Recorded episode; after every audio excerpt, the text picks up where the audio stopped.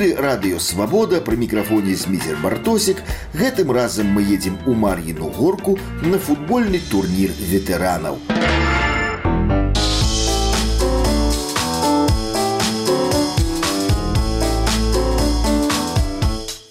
Пакуль заўзятары ўсяго свету прыліплі да тэлеэкранаў і манітораў, назіраючы за кубкам свету ў Маскве, у горадзе Мар'іна Горка незаўважна прайшоў футбольны турнір сярод ветэранаў на прызы заслужанага трэнера Беларусі Анатоля Усенкі.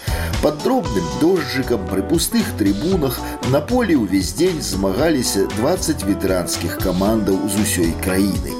Але я завітаў у Мар'іну горку найперш, каб пагутарыць з усенкам, тренерам, які ўваходзіў у штаб Эдуарда Малафеева, чалавекам, які браў непасрэдны удзел у залатым сезоне мінскага дынама 1982 году.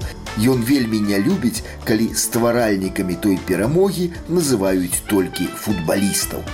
Э, я всегда говорил и буду говорить, хотя многие что-то обижаются, э, там не надо называть Саша Прокопенко, там Пудушев, там Малафеев, там все. Там работали э, люди, футболисты – это одно, а те люди, кто подготовил футбольное поле, кто кормил людей, кто врачом был, кто водителем был. Ну, все это суммировалось, и в итоге получилась золотая команда. А если бы этого не было, не было, это вы, журналисты, там все. Вот там футболисты. Да, они творцы на поле. А кто подготовил футбольное поле в идеальном, чтобы они тренировали? А кто э, это убирал э, комнаты им? А кто варил и, и подавал им кушать? А водитель, водитель сколько водил, а врачи, а массажисты, а все сколько работали там. Была великолепная команда «Динамо Минск» во главе, начиная с главного тренера и кончая рабочим по стадиону. Пакуль зборная Беларусі рыхтуецца да вырашальных бітваў са зборнымі грознага Люксембургу і моцнага арэшку Сан-Марына у рамках новага турніра Ліга нацый, пра ўдзел нашай зборнай на топ-турнірах можна толькі марыць. Але ж у беларускім футболе была зборная, якая пяць разоў выйгравала чэмпіянат свету і чатыры разы чэмпіянат Еўропы. Перамагала зборныя Аргентыны і Бразіліі, Гішпаніі і Ангельшчыны. Гэта была беларуская каманда інвалідаў па зроку, якую трэніраваў мой суразмоўца. Уже 20 лет, как мы стали э, чемпионом мира. В этом году будет 20 лет, как мы стали чемпионом мира. Значит, э, 21 год уже прошел, как создалась эта команда. Команда создавалась э, на базе э, Белорусского общества инвалидов по зрению, но со всех городов страны. Подбирали ребят, э, смотрели их, э, отбирали по критериям. Почему? Потому что, когда мы приезжаем на чемпионаты мира и Европы, там э, тщательное обследование. На каждый чемпионат Европы и мира отдельно. Значит, приезжает отдельная комиссия э, врачи и проверяют компьютеры, проверяют, ну, все, что может, чтобы там не оказалось зрячих спортсменов.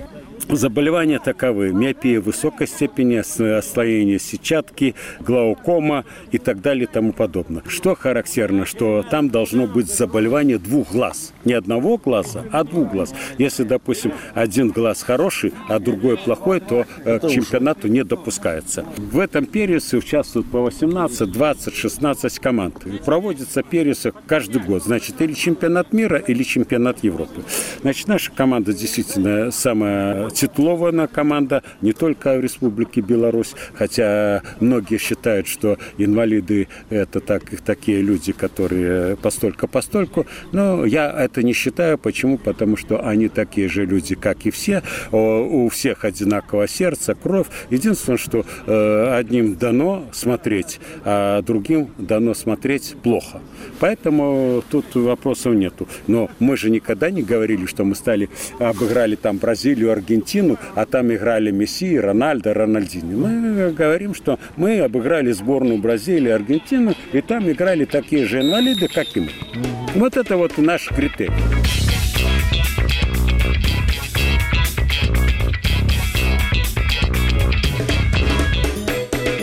И наш критерий всегда мы говорили, что невозможно – это возможно. Хотя многие думали, что это невозможно стать чемпионом мира Европы, а мы доказываем, что это возможно. Почему? Потому что, да, у нас были условия не очень хорошие, как у других команд, я имею в виду зрячих там и команд мастеров, да, у нас были условия не очень хорошие. Не хватало и мячей, и давали тренироваться нам и в 8 часов вечера, и в 10 часов вечера. Все ребята работающие, ну так и, и так далее. Там можно проводить массу примеров. Когда в 2013 году мы готовились поехать на чемпионат мира в Осаку, нам обещали и Федерация футбола, и Министерство спорта обещали, что они проплатят нам этот турнир.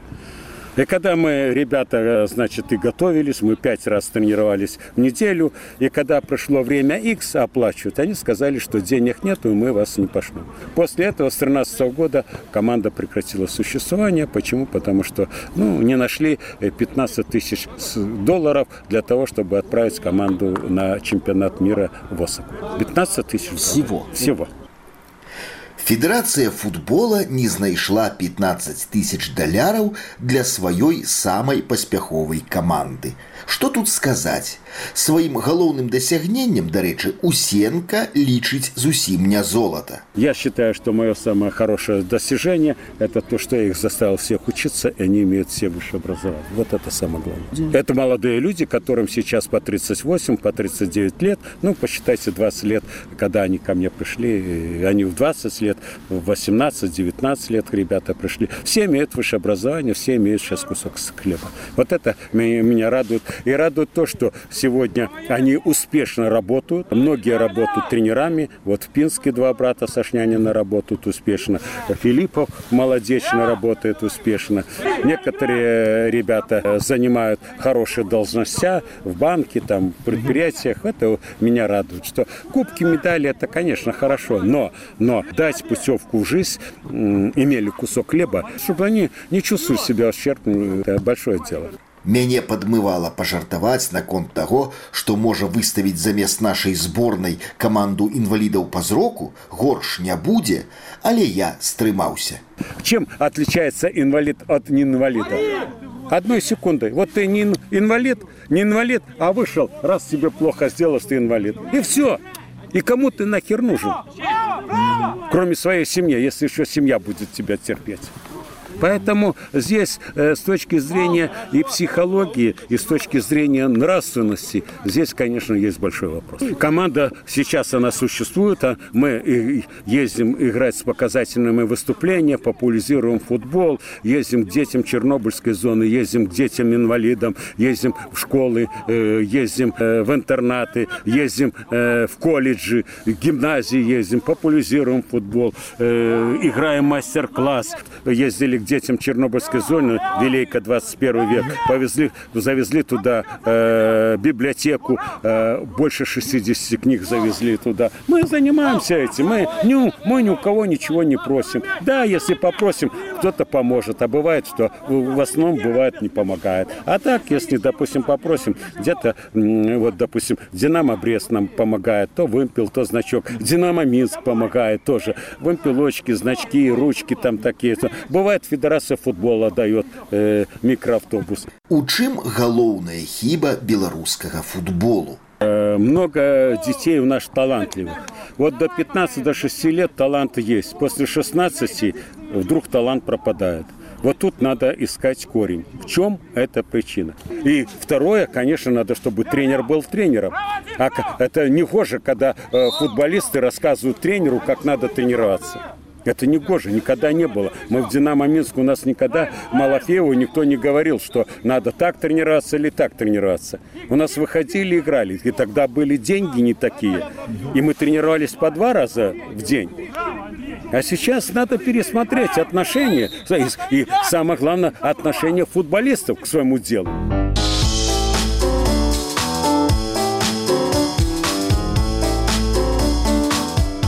пытанне непаспяховасці беларускага футболу настолькі старое, што і ў заўзятараў і ў прафесіяналаў даўно ёсць свой адказ. Гаворыць удзельнік турніру настаўнік з фізкультуры з астраўца Дмітрий Трикіч. Детский футбол у нас хороший. хороший. А вот переход между... Вот у нас пропасть идет. Очень, очень большая Между пропасть. детьми и- Детьми и командой мастеров. Вот этого вот молодежного, молодежного у нас нету футбола. Вот из-за этого и сборная. А чтобы сборная заиграла, надо молодежь хотя бы по Европе раскидать, а потом э, сборную, потом просто собрать, собрать. И будет сборная у нас великолепная любого, любого возраста. Это ж даже далеко не надо ходить, вон, как швейцарцы. У них же они набирают ребят, и все с разных. Молодежь у нас талантливая и хорошая, только ее дальше надо развивать. Ягоны таварыш па камандзе да 30 гадоў гуляў у першай лізе. Сёння працуе дзіцячым трэнерам. Ну, если человек не попал, допустим, вот в 5 топ-команд, там, допустим, Шахтер, Батэ, э, Минская «Динамо». Минская Динамо, Брестская Динамо. А туда не так просто попасть. И как бы дальше куда им? Вот. Институт поступил, женился, все. Семья, пеленки, распашонки, туда-сюда. Нужны деньги. Где деньги у нас? В основных командах. И сегодня даже разговаривали. Алексей Михаличенко, он попал э, в свою струю только в 27 лет. До 27 лет ему надо же было где-то быть. То есть он был в дубле киевского «Динамо». Э, Потом стал серебряным на Европе, олимпийский чемпион, раз пять чемпион Союза. До 27 лет надо где-то находиться, и он должен держаться в форме, скажем так, игровую практику иметь и так далее, и так далее. А у нас 27 лет это уже люди как бы в свое удовольствие выходят играть. Точно так же на Западе посмотреть. Э, У нас все построено на том, чтобы когда ты молодой, тебя куда-то продать. Э, Но за последнее время я не помню, чтобы кого-то куда-то продали. Было когда вот был футбол как, как система. Тогда и Гуренко, и Глеб там куда-то забирают. Вот Глеба увезли, он еще молодой был, увезли в Штутгарт туда. Хацкевич так. Хацкевич, Белькевич. Трэнер астравецкай каманды, якая на гэтым турніры заваявала срэбра, прайграўшы сталічнаму дарожніку, лічыць, што пачынаць трэба з падмурку. Што можа дапамагчы беларускаму футболу? Каб беларускі ф- футбол на ўзроўню зборнай спыніў змаганне з Сан-Маріна, з Люксембургам, а перайшоў ну хаця бы да, туды, дзе Харватія. Ну, у першую чаргу трэба змяніць адносіны да э, дзіцячых трэнераў. Усё пачынаецца знізу. Калі будуць нармальныя э, зарплаты у трэнераў, тады будуць это. павінна быць сістэма. А так у нас зарплата у, у трэнераў вельмі маленькая. Людзі не хочуць выязджаюць і ну ўсё трэба па- пачынаць это. з сама нуля з меншых узростаў. Вы верыце, што мы калі-небудзь пабачым зборную Беларусі на топ-турніры, чэмпіянаце Европы ці чэмпіянаце свету. Хацелася б убачыць, але это не хутка, напэўна, будзе. Якія грошы на, выдзя- выдзяляюцца на хакей, а на футбол які. Хацелася б, каб хаця бы такое, такая увага вот у государстве была б не толькі для хоккея, але і для футбола.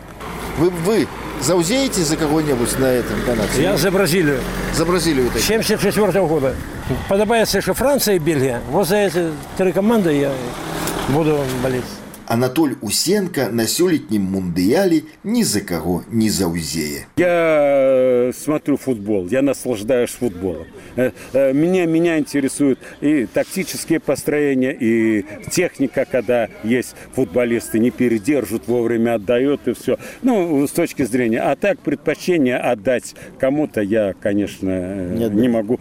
Мой таварыш былы баскетбаліст, які пагуляў у Тунісе, у Гішпаніі, у Славакіі, скончыўшы спартовую кар'еру, сеў за баранку таксі. Ці трэба тлумачыць, чаму ён не пайшоў трэніраваць дзяцей. Спорт высокіх дасягненняў, цацка дарагая. Хай бы федэрацыя футбола знайшла 15 тысяч, вярнула каманду ў сенкі і паказала па тэлевізіі, як зборная Беларусі граміць зборную Бразыліі. Беларусы засумавалі без перамог. У эфіры радыё Свабода мы з вами наведаліся ў Мар'іну горку на футбольны турнір ветэранаў. З вами быў Зміцер Бартосік. Да новай сустрэчы праз тыдзень.